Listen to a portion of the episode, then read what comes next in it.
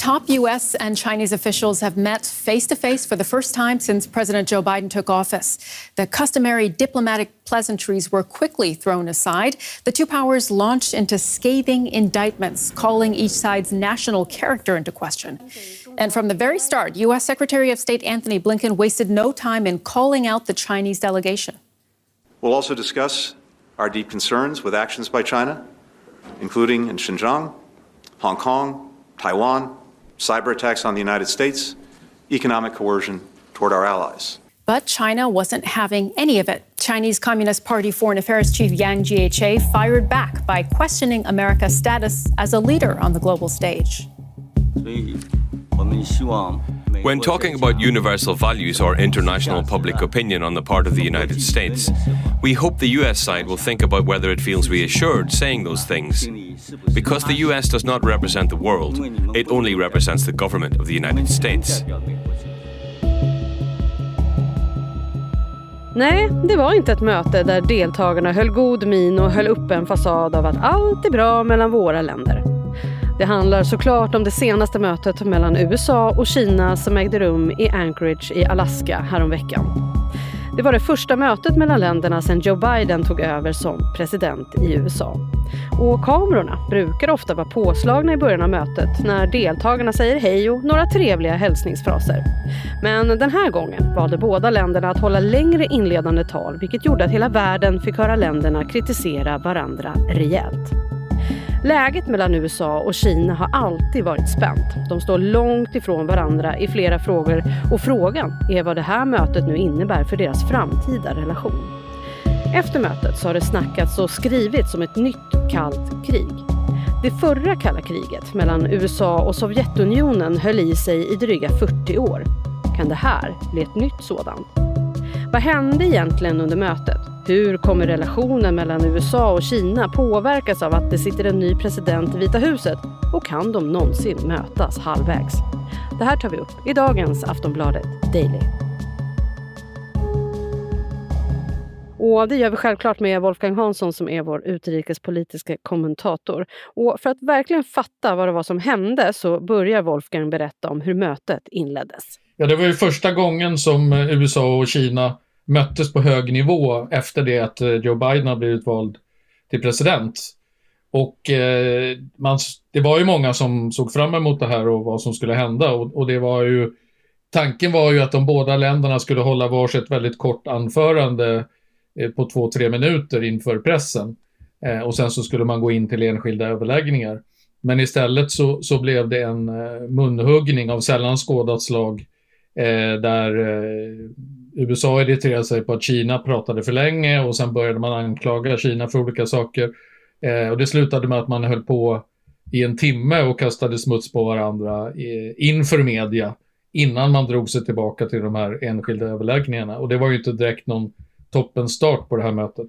Nej, var, hur kommer det sig liksom att kamerorna filmade allt det här? Jo, men det är ju för att det normala i sådana här möten, det är ju att man har en liten kort eh, presentation där pressen får närvara och där man, man säger några eh, till intet förpliktigande saker och sen så drar man sig tillbaka och förhandlar. Men nu så tyckte tydligen båda sidor att de skulle vara brutalt ärliga mot varandra. Så eh, USA anklagade Kina för att vara ett hot mot den eh, liberala världsordningen och eh, Kina anklagade USA för, att, eh, för översitteri och eh, hela västvärlden för att de minsann inte var i någon position i någon styrkeposition för att kunna döma Kina och så vidare. Och så där höll det på. Det är lite ovanligt, eller hur? Ja, det får man nog säga är väldigt ovanligt för eh, oftast så, så brukar det ju vara Diplomati brukar ju vara, eh, funka så att man är hyfsat mild mot varandra utåt och sen är man kanske betydligt tuffare bakom lyckta dörrar när, när ingen hör. Och här blev det lite tvärtom, att här var man väldigt tuff mot varandra eh, inför mötet så att säga, eller vid inledningen på mötet. Väldigt mycket säkert för att visa sina respektive hemmaopinioner att man minsann inte vek sig för motståndaren. Och sen när själva mötet drog igång så verkade det som att det lugnade ner sig lite. Det kanske var tur då, för det är svårt att, att, att, förhandla om saker om man är osams. Men så bestämdes det någonting under det här mötet? Eller hur, vad hände? Nej, det var väl egentligen inte ett sånt möte där man skulle liksom uppnå olika saker, men man, man bestämde ändå att man skulle samarbeta på vissa områden och framförallt då när det gäller eh, klimatet, att man skulle eh, samarbeta för att eh, minska utsläppen i världen eftersom det är ju Kina och USA tillsammans står ju för runt 40-45 procent av världens koldioxidutsläpp. Så att varje försök att göra någonting åt utsläppen måste ju inkludera båda de här länderna, annars är det ju väldigt svårt att, att komma någonstans. Mm, och de står ju väldigt långt ifrån varandra i flera frågor. Kan de mötas tror du? Ja, så jag tror att de kan mötas där de känner att de har eh, gemensamma intressen. Eh, och klimatet är ju ett sånt. Och, och när eh, Donald Trump drog sig ur klimatavtalet i Paris när han tillträdde som president, då var ju Kina väldigt snabba med att försöka fylla Eh, USAs ledande roll och säga att men vi, vi ska se till att minska våra utsläpp och vi tar ansvar för klimatet. Och och nu har ju Biden återinträtt i det här avtalet och vill ha på alla sätt eh, signalerat att han är, är, beredd att verkligen ta krafttag mot klimatet och där kan nog Kina och USA enas i att de, de båda har, eh, för, för båda länderna så är det eh, avgörande att man lyckas hålla jordens uppvärmning nere på en rimlig nivå, för annars så kommer båda de här länderna att förlora stort. Mm. Och efter det här mötet så har det både skrivits och snackats en hel del om ett kallt krig, att det skulle vara ett nytt kallt eh, krig. Liknar det här någon början på det, säger du? Ja, eh, kanske inte en början utan snarare en fortsättning på det som liksom blev när Donald Trump tog över eh, makten i USA. Han började direkt utmana Kina Eh, och även i, i viss mån Ryssland, även om han inte utmanade eh, Putin då. Men eh, det är ju den här retoriken framförallt eh, som sidorna använder och där såg vi ju väldigt tydligt det som hände i, i Anchorage i Alaska när man eh, så, så här storvulet och svulstigt förolämpade varandra. Eh, det var ju väldigt vanligt under kalla kriget när man liksom eh, eh, det var olika ideologier som stod emot varandra och man eh, liksom hade helt diametralt olika uppfattningar om, om precis allting. Och, och, risken är ju att vi nu glider in i en sån epok igen.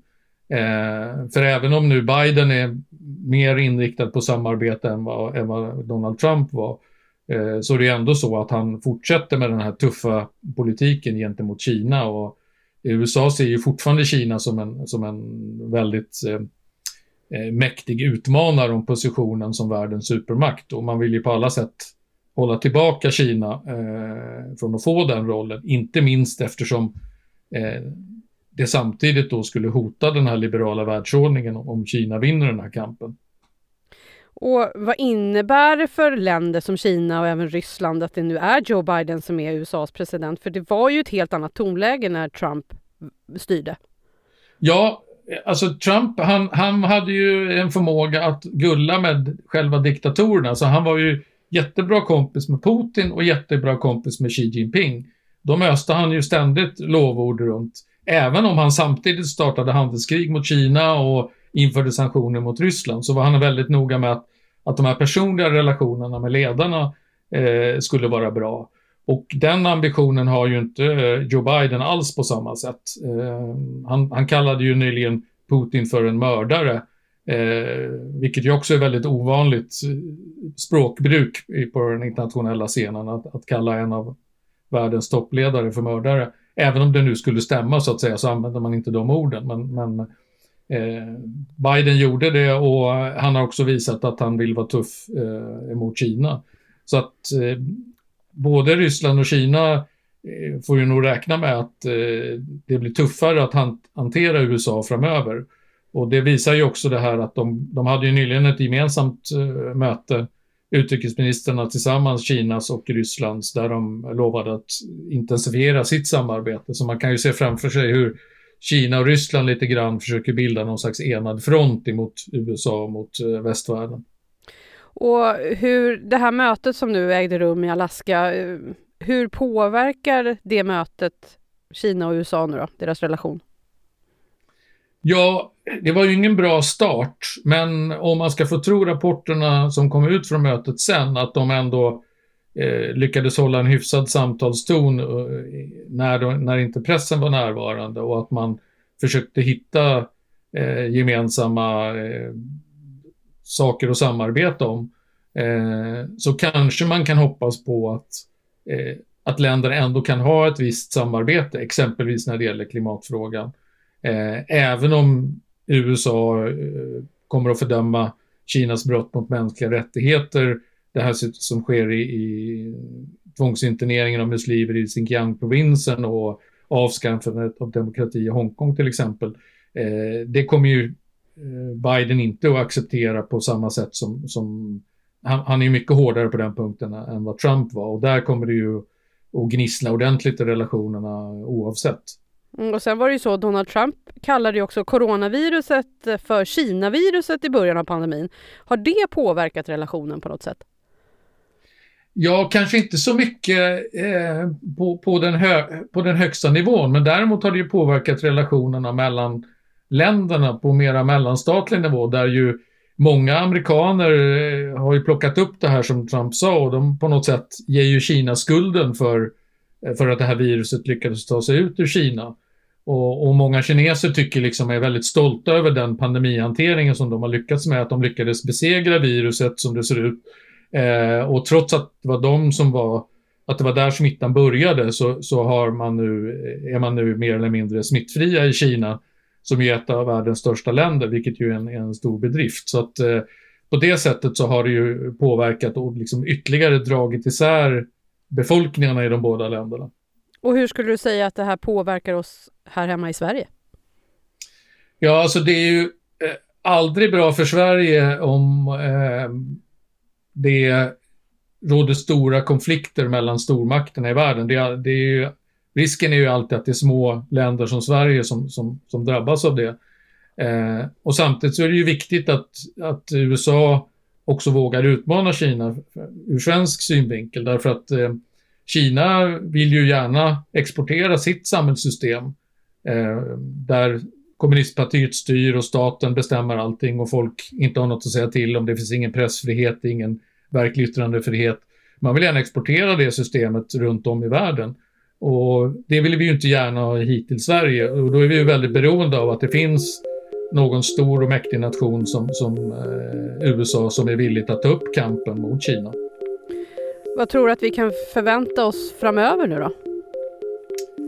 Jag tror att eh, relationerna kommer att lugna ner sig lite så länge det inte händer någonting stort. Eh, eh, det här var väl att se lite som en förpostfäktning.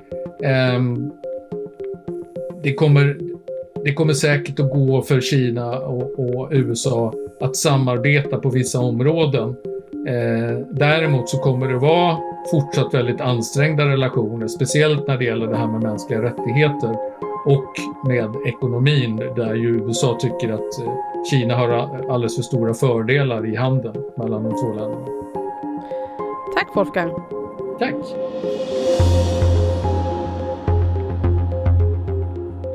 Sist här hörde vi Wolfgang Hansson som är vår utrikespolitiska kommentator. Jag heter Jenny Ågren och du har lyssnat på Aftonbladet Daily. Vi kommer ut med nya avsnitt på vardagar och vi tar upp aktuella ämnen varje dag. Det går alldeles utmärkt att prenumerera på oss i din poddspelare så missar du inte nästa avsnitt. Vi hörs snart igen. Hej då!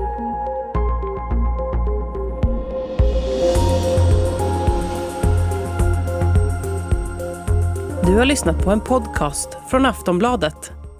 Ansvarig utgivare är Lena K Samuelsson.